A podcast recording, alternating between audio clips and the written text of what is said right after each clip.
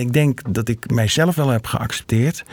Maar ik heb nog steeds niet geaccepteerd dat die grote groep mensen mij nog niet accepteert. En ze leefden nog gay en gelukkig. Het sprookje van de LHBTI plus vrijheid in Nederland. In 2021 was er een hoop te vieren in Nederland. Het burgerlijk huwelijk werd 20 jaar geleden opengesteld voor paren van gelijk geslacht. Het COC bestond 75 jaar. En 50 jaar geleden werd wetsartikel 248 bis geschrapt uit het wetboek van strafrecht. Homoseksualiteit was niet langer strafbaar.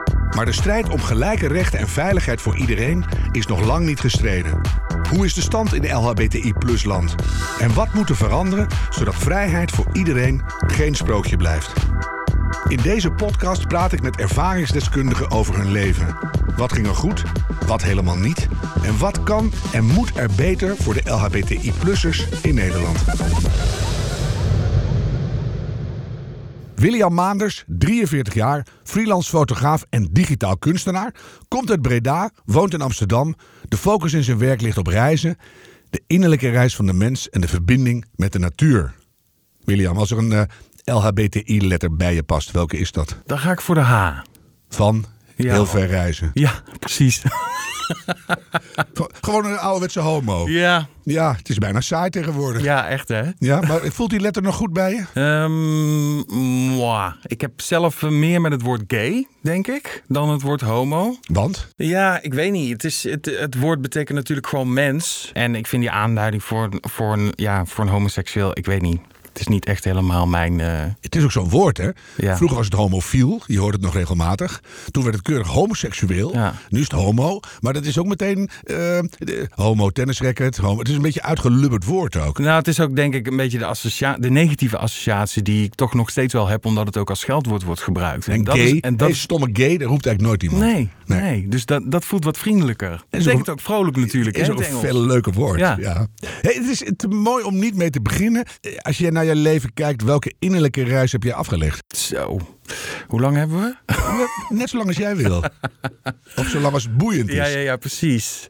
Innerlijke reis. Ja, ik ben. Um, ik was eigenlijk al. Uh, op jonge leeftijd was ik al vrij spiritueel. Maar ik, ik denk dat ik dat tijdens de puberteit toch een beetje ben kwijtgeraakt. Uh, in de vaart der volkeren, zeg maar, van het opgroeien. Hmm. En eigenlijk pas uh, sinds een jaar of vijf ben ik weer helemaal op het spirituele pad geraakt. En dat bevalt heel erg goed. Ja, ja. daar komen we vanzelf uit. Maar ga eens terug naar die vroege kinderjaren. Waarom, waarom was je toen al een bijzonder kind? Ik um, ben enigste kind. Dus ik kan heel erg goed uh, mezelf entertainen. En uh, ondanks dat ik toch eigenlijk altijd op mezelf was ingesteld. toch wel een heel amicaal, sociaal iemand. Dus kon het ook altijd al goed uh, met uh, iedereen vinden. Ik was ook echt een allemansvriend. Hè. Ik, had, ik, had, ik speelde bij de, de, de, het zoontje van de dokter, hè, van de chirurg. Mm -hmm. Maar ook bij uh, het Turkse jongetje uit de buurt gewoon. Maakt allemaal niks ja. uit. Nee, ja. nee. Ook iemand die van gezelligheid houdt dan. Ja, absoluut. Ja. En wat was dat spirituele als kind? Waar zat dat in? Oeh, dat is een moeilijke vraag. Um durf ik zo niet 1, 2, 3 te beantwoorden. Las je andere kinderboeken of maakte je ik denk het gevoel verschillende dat er, tekeningen? Nou, het gevoel dat er altijd dat er meer was dan wat je voorgeschoteld krijgt in het leven. Dat, dat, dat vooral, dat besef. En ook een soort verlangen wat eronder zat. Van ja. er moet toch meer zijn of zo? Ja, of zoiets? Ja, wat voor een kind wel bijzonder ja. is. Ja, ja. Jij was een dromer ook. Oh, absoluut. en daar werd ik ook op afgerekend door de juf, hè, op rapporten. En dan stond er van, hij droomt en hij kijkt veel naar buiten. Keek weer uit het je, raam. En dan kom je er later achter, dan lees je allerlei rapporten, of uh, rapporten, onderzoeken van, uh, uh, van die mental health gurus die juist zeggen van, je moet naar buiten staren, want dat is heel goed, meditatief, noem maar op. Ja. En dan hoor je dus van, oh, dus dat is eigenlijk goed wat ik toen deed toen ik jong was. per ongeluk was ik op de goede weg. Precies. Ja, ik ga vaak naar Friesland, want daar is daar niks. En dat ja, goed voor je ogen te zijn dat er gewoon niks is. Ja, dus, en, en toen, toen kwam je in die puberteit. En toen kwam het uh, harde leven op je af. Ja, want dan, uh, dan ik, ik, ik werd op jonge leeftijd eigenlijk al best wel gepest met mijn uh, seksualiteit. Terwijl ik daar zelf helemaal nog niet achter was. Maar er zit een stoere grote man voor me. Ja. Wat was jij voor prepuber? Ja, ik was een forse jongen toen ook al in de puberteit. Um, zachtaardig. Mensen zagen ook niet of dat ik een jongen of een meisje was. Echt waar? Nu, ja, nu dus, ben je ontegenzeggelijk een man. Maar Ja. toen was het veel onduidelijker. Nou, er werd, de, toen ik heel jong was, een kind, werd er ook vaak eh, eh, werd er gedacht dat ik een meisje was. Ja. En dat, dat stoorde me wel. Dat vond je niet fijn. Nee, dat vond ik niet fijn. En wat zei je dan? Ja, heel demonstratief dat ik, eh, dat ik een jongen was natuurlijk. Ja, je bent een jongen. Ja, zoiets. Ja, ja, ja. ja. En, toen, dat- dat- en dan komen die hormonen erbij. Ja. En dan moet je er zelf mee aan de slag. Hè? Ja, op een gegeven moment dan, eh, dan kom je erachter van, eh, ja, dat je interesse misschien toch wel ergens anders ligt dan eh, wat de maatschappij hè, het liefst wil. Ik heb dat wel een hele tijd onderdrukt, want ik vond dat, ik vond dat heel moeilijk. Vooral ook omdat ik enig kind was. Dus ja, toch, je, ja, je groeit op met van, ik wil ook kinderen. En, De naam loopt dood, denk je dan meteen al. en zo. Ja, nou ja, dat, dat niet zozeer, maar, maar kleinkinderen voor mijn ouders, weet je wel. Dat leek me echt leuk. Lijkt me trouwens nog steeds leuk, maar dat terzijde. Of kan nog steeds hoor. Ja, nou ja. Ik ben op mijn 49ste vader geworden. Dus, eh, Oh, dus tof. ja, Ja. dat kan gewoon. Ja. Maar eh, die worsteling die was er. Ja. Wat deed het met jou? Ja, dat was, eh, dat was best wel pittig. Ik ben best wel gepest toen. ik weet nog wel, het tweede brugjaar had je destijds nog. Toen ging ik ook, raakte ik heel snel volwassen. Dus ik wilde eigenlijk al eh, naar dansles en, en uitgaan en dat soort dingen. Terwijl mijn vriendjes van de eerste brugklas, die wilden nog hutten bouwen. Ja, ja. Die gingen allemaal naar de MAVO en ik ging als enige ging ik naar de tweede brugklas. Dus daar vond al een scheiding plaats van, nou ja, die zitten daar en ik zit daar. En ik vond niet rechtstreeks meteen aansluiting met die jongens in mijn klas. Dus je was een beetje alleenig. Ik was een beetje alleenig. Wat En- je op zich goed kon, maar het Ja. was niet leuk. Nee, precies. Dat, eh, je wil natuurlijk wel eh, hè, vriendjes en vriendinnetjes hebben. Die vriendinnetjes kwamen dus wel. Ja. Want dat klikte. Nee, die herken ik wel. Die ja. meiden die, eh, hè, die waren natuurlijk sneller volwassen dan die jongens. Ja.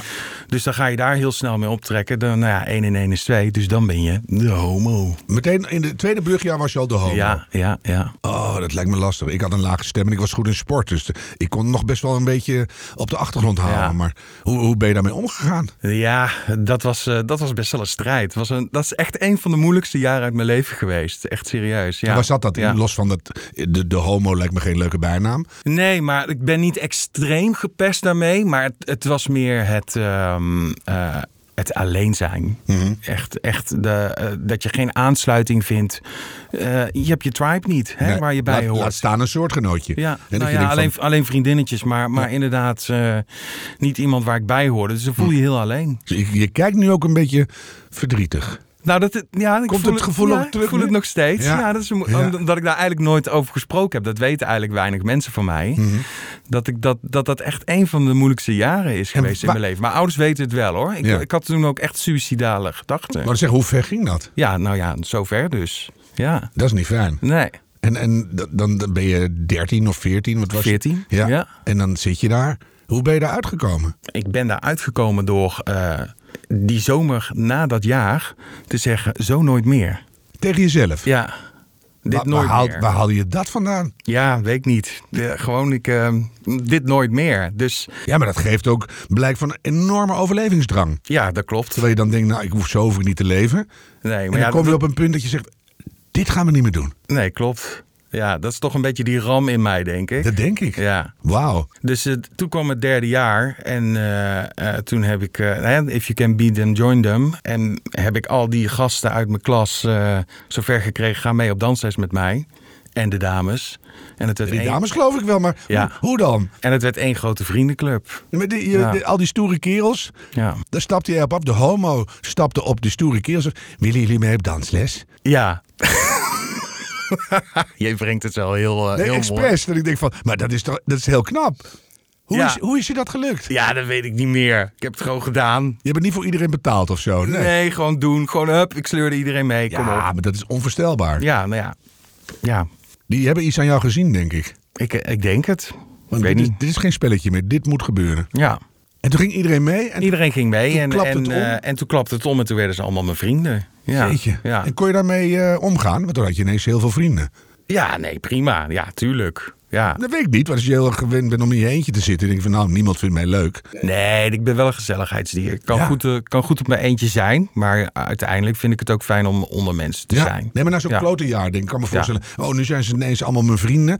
Oeh, klopt dat allemaal wel? Nee, want ik had, dat, dat was echt een klote jaar hoor. Ja, dus, eh, dat bedoel ik. Dus ik was blij om weer eh, hè, met mensen dingen te kunnen ondernemen en doen en zo. Mhm. En, en Dus toen groeide je groter, 15, 16, 17. Ja. Wanneer was het moment moment dat je tegen de buitenwereld zei van, eh, nou, Ja, dat heeft nog best wel een tijd geduurd. Ik weet wel dat een vriend en vriendin van mij, die kwamen al vroeg uit de kast. Ondertussen was die vriendenclub waar we het net over hadden, die was alweer uit de picture. Dus er waren alweer nieuwe eh, gekomen, hè.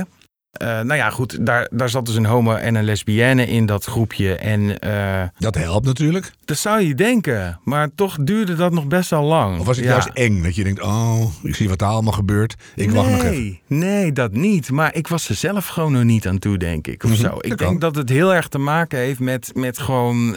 Ja, toch dat plaatje, dat ideaalplaatje van kinderen en kleinkinderen. Dat ik daar heel vastzitten, erg... Ik heb Ja. een ram, hè. Dus ook heel erg vasthouden daaraan. Dus dat heb ik heel lang volgehouden. En hoe, hoe lang en- is heel lang? Nou ja, tot mijn negentiende. Ah, dat gaat nog wel. Ja, toen heb ik een beetje... Toen heb ik een beetje, volgens mij gezoend of zo met die jongen. Ik weet niet meer. En, en, en? Ja, dat was wel spannend, maar toen vond ik hem ook een beetje vies en eh, raar, weet je wel. Maar Ehm, ook leuk. ja, het heeft, toen, toen heb ik het weer, eh, ja, toen dat het fout was. Dus eh, wat fout is natuurlijk altijd leuk. Ja, hè? dat is wel waar. Het heeft, eh, even kijken, op mijn 21ste ongeveer, vlak voordat ik op stage ging. dat hou ik altijd een beetje aan als het eikpunt. In 2000 ging ik op stage naar Samoa voor mijn studie. En daarvoor was ik al uit de kast gekomen naar al mijn vrienden. Ja, Niet aan dus het is een beetje, nee, het was een beetje geleidelijk gegaan. En terwijl ik op stage was in Samoa, het kon ook niet verder. Hè? Ik weet niet of je weet waar het ligt. Ik weet vrij goed waar het ligt. Ja? Ver weg. Ja, heel goed.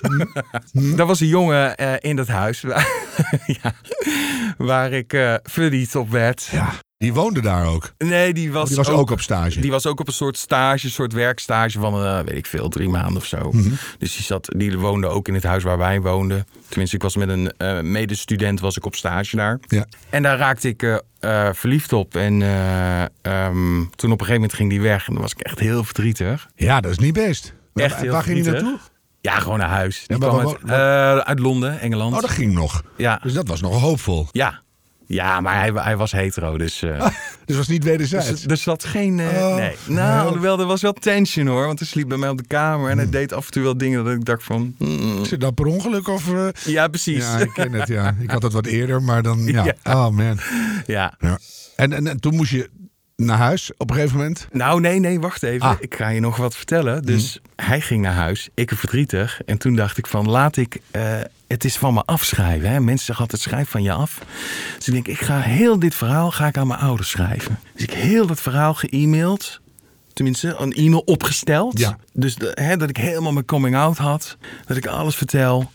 En toen zei ik tegen mezelf, wat zou er nou gebeuren als ik op send klik? Ja. En toen klikte ik op send.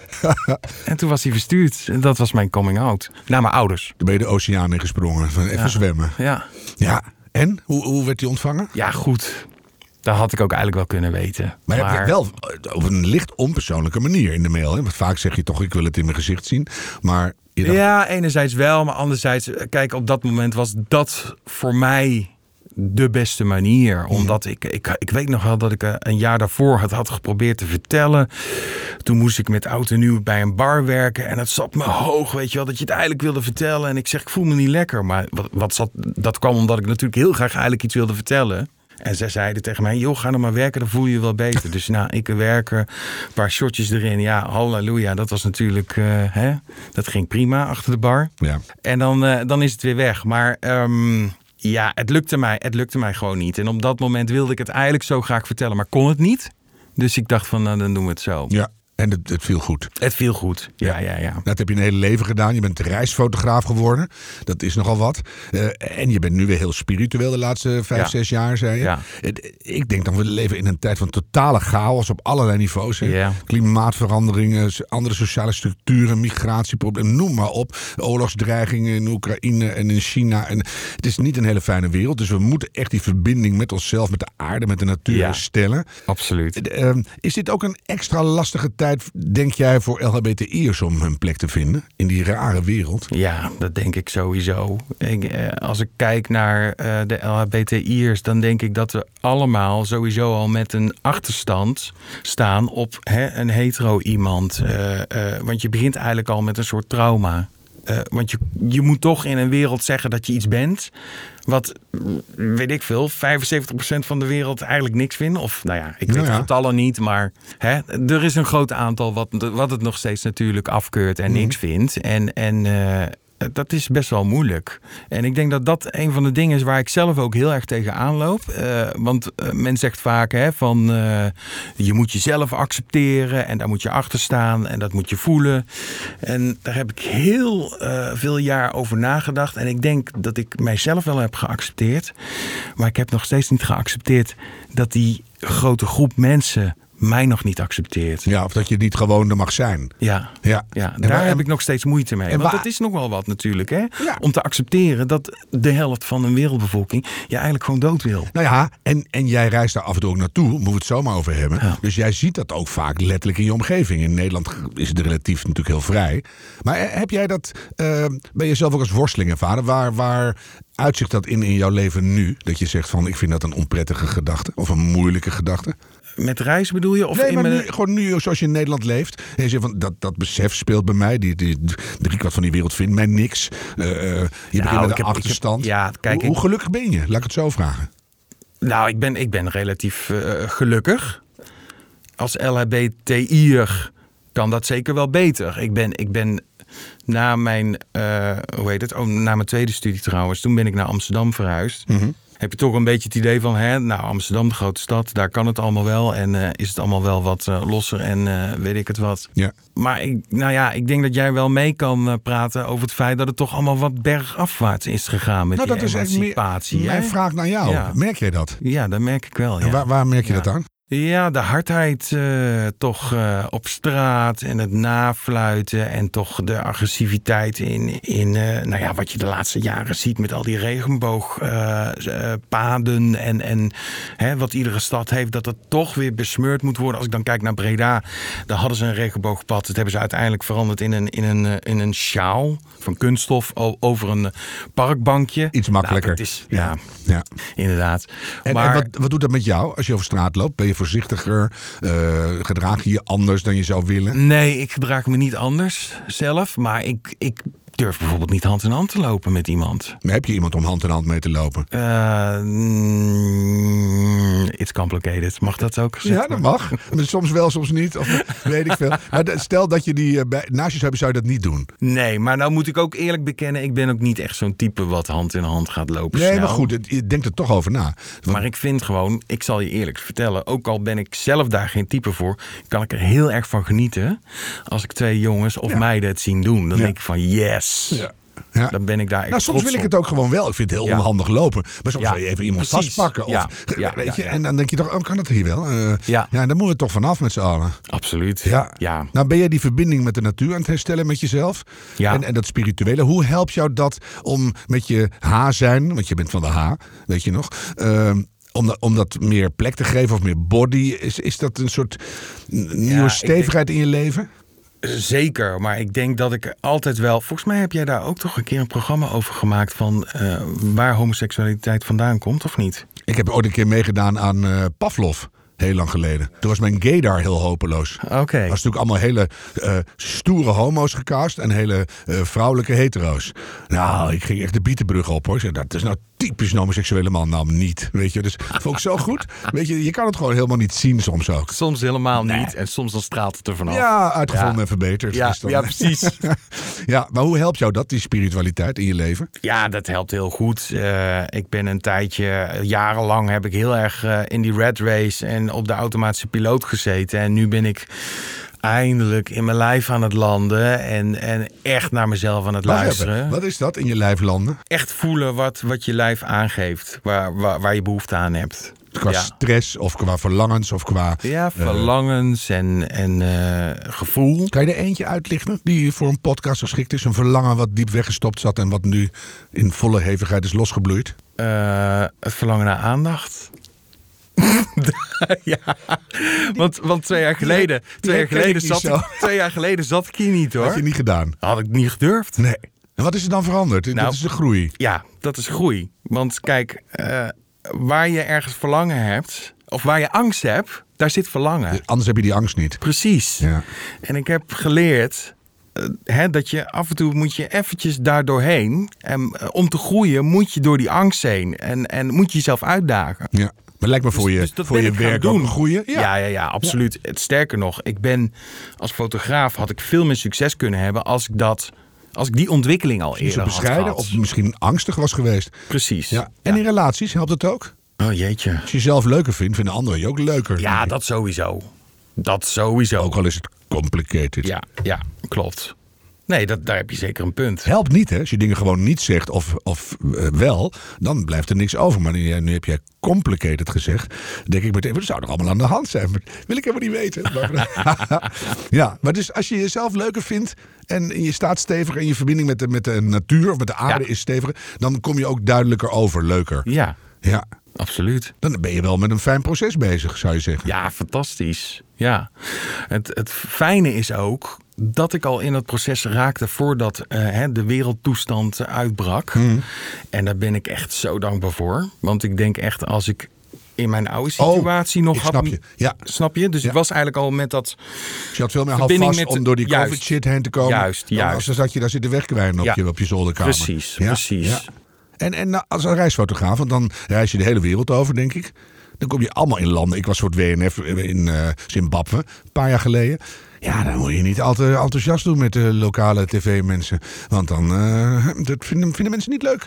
Dus, Nee, eh, jij, ja. jij moet je voortdurend aanpassen op je werk. Ja, ja het is, het is, eh, ik ben ook wel een chameleon wat dat betreft.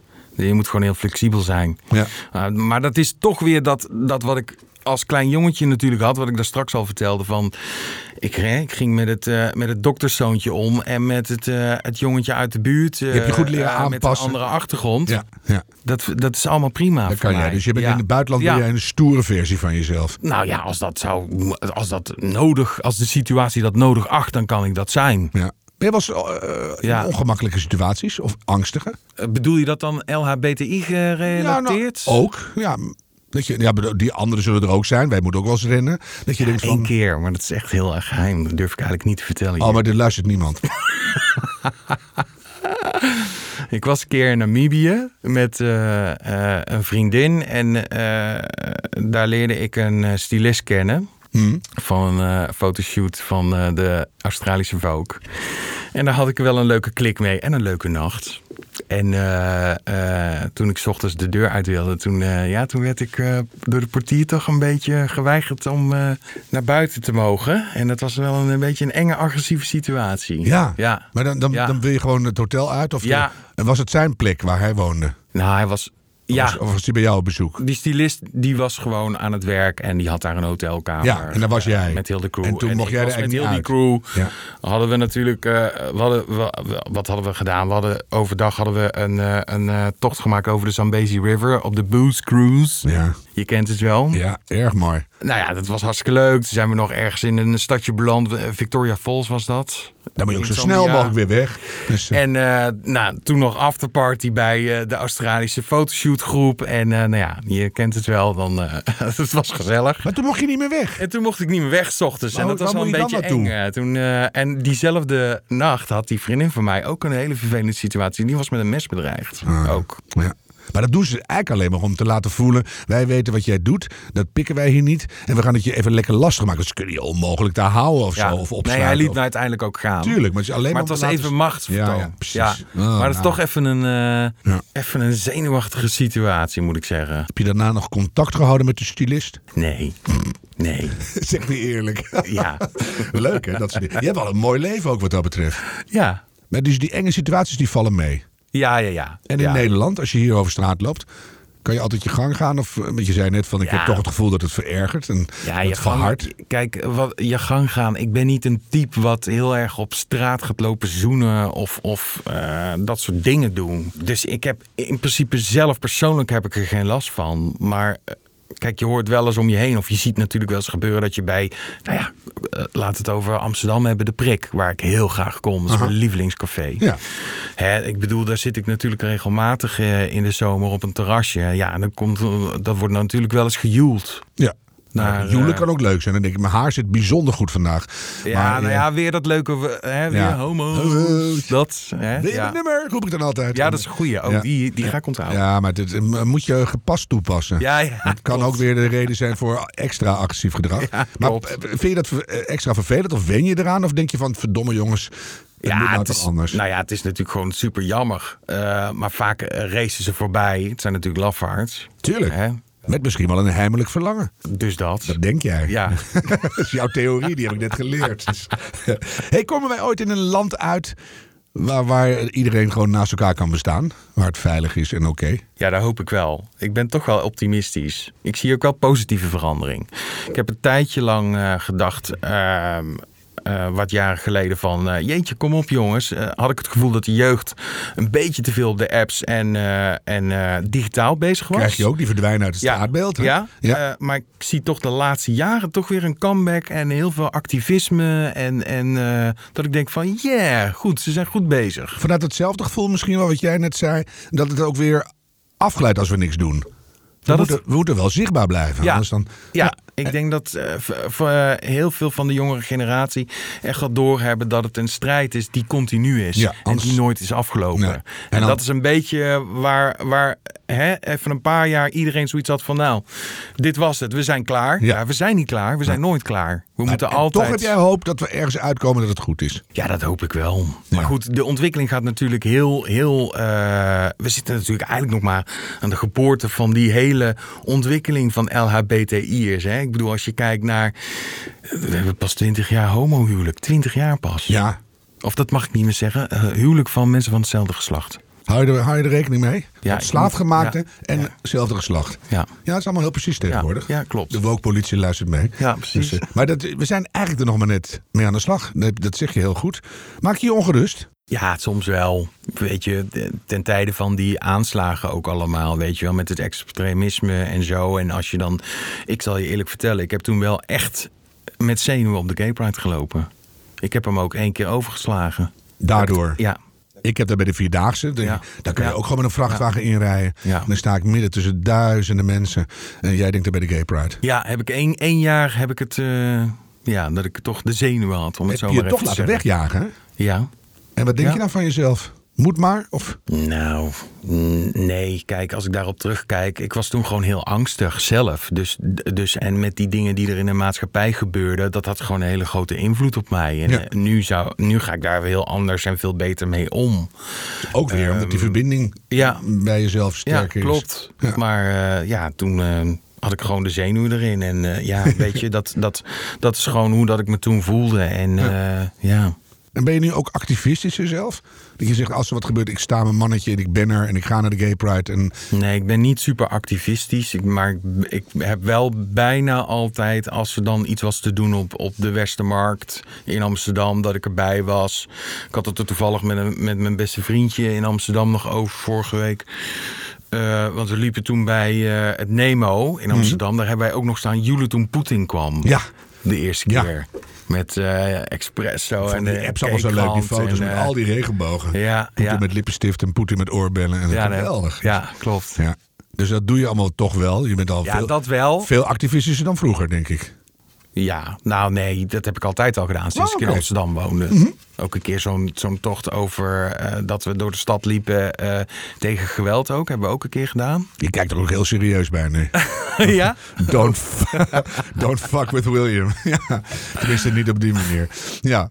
Hey, en ehm, ja, eigenlijk, we- we komen een beetje aan het eind van dit gesprek. Dat gecompliceerde, we gaan niet in details, maar gaat dat goed komen nu?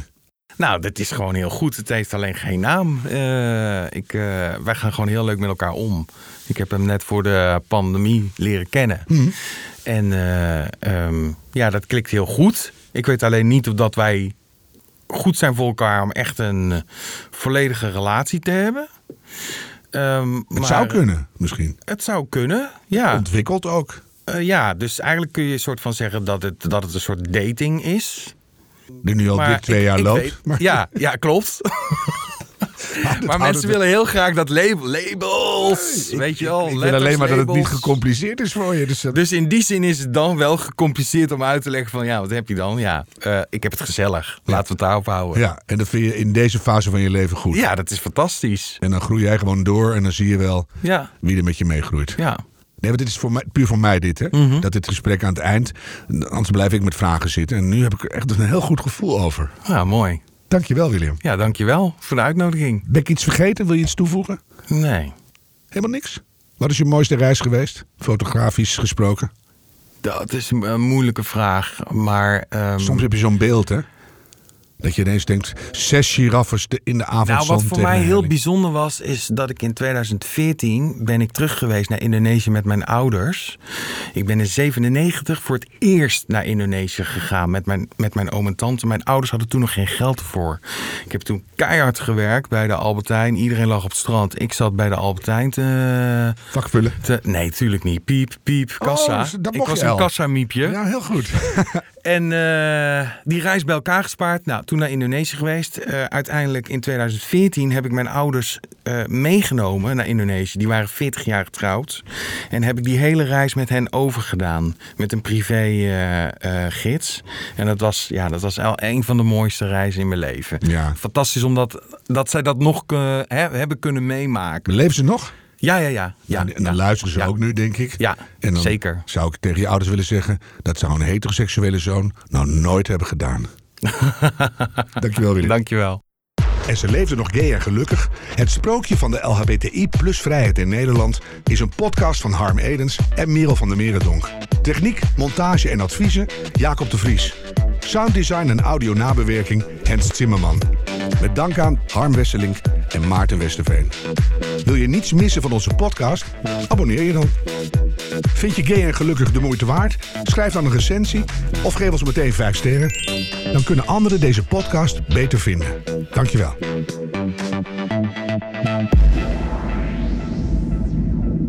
Hey, luister je nog?